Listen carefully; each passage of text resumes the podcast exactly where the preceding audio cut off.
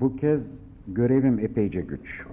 Nicedir işleri de duyguları da abartmaktan çekinir oldum. Yanı başımda ya da hiç bilmediğim bir yerde bir başka insanın çektiğim acıların, karşılaştığım güçlüklerin, duyduğum sevinçlerin kat kat büyüğünü çekebileceğini, duyabileceğini, kat kat büyüğüyle karşılaşabileceğini anladığım, daha önemlisi düşündüğüm zamandan beri yani 17-18 yıl kadar oluyor. Kendisinden ayrıldıktan kısa bir süre sonrasına rastlıyordu dediğim. İşte o zamandan beri en büyük acıları bile biraz küçültürüm gözümde, gönlümde. Bütün bu sözler bir bakıma boş sözler. Olsa olsa kendimi size biraz bir parçacık tanıtmaya yarar. Onun içinde alakoymuyorum kendimi yazmaktan. Evet, görevim oldukça güç diyordum. Gerçekte sanırım hemen hemen herkesin çok güç bulacağı bir görev bu. Üstelik başarsam da başarmasam da gereğini yerine getirsem de getirmemeye karar versem de bana verilebilecek, verilecek son görev olacak.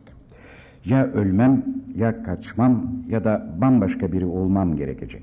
Öylesine bambaşka biri ki bunun güçlüğü karşısında kaçmak daha kolay görünüyor. Hele ölmek hepsinden kolay. Kendimi öldürmek durumunda da kalsam. Yazı yazmasını bir parça öğrendimse ikinizi okuyarak öğrendim. Doğrusu bu ya sizlere yaraşır bir öğrenci değilim besbelli. Gene de yazıyorum. Yazı değil bu nasıl olsa. Beni çok kınamayın. Bu kağıtları size ulaştırmak benim için çok kolay. Ne var ki bunları okumanızın sizin için en yararlı olacağı vakti şu anda kestiremiyorum. Birkaç gün sonra ister şu ister bu biçimde ben ben olmayacağım artık. O güne dek vakit buldukça bunları yazacağım size. Ulaştırması ayrıca düşünmeliyim onu.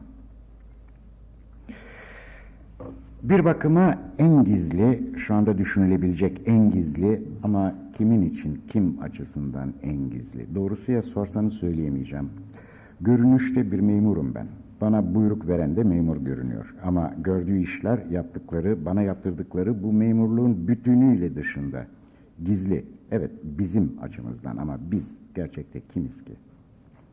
Evet, en gizli bir işi size açmaya niyetlenmekle kendimi kötü bir duruma düşürüyorum. Gene de diyorum ki, iki kişinin kurup yürütmeye karar verdiği bir tasarının gizli tutulması, birinin kafasındaki düzenin bir gerçeklik olabilmesinin koşuluysa, bu gerçekleşme iki kişinin susmasına bağlıysa,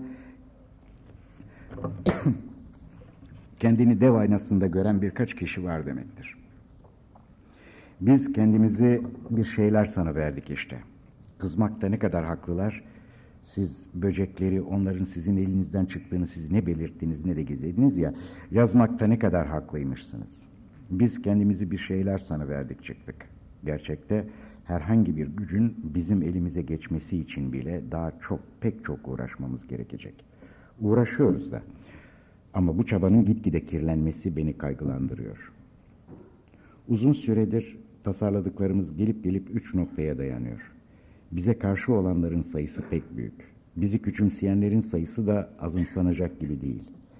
Bizi kullananlar, kullanmaya elverişli bulanlar bile bizden sayıca çok neredeyse. Kullanılmayı kabul ettikse nasıl olsa bir gün her şeyin elimize geçeceğine inandığımız içindir. Bu inancım azalmadı.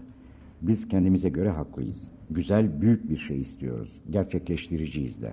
Ama demin sözünü ettiğim kirlenme nesnel olgulara girer.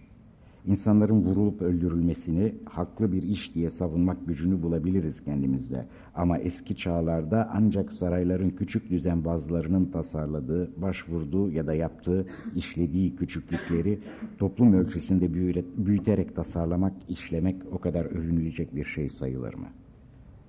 Thank you.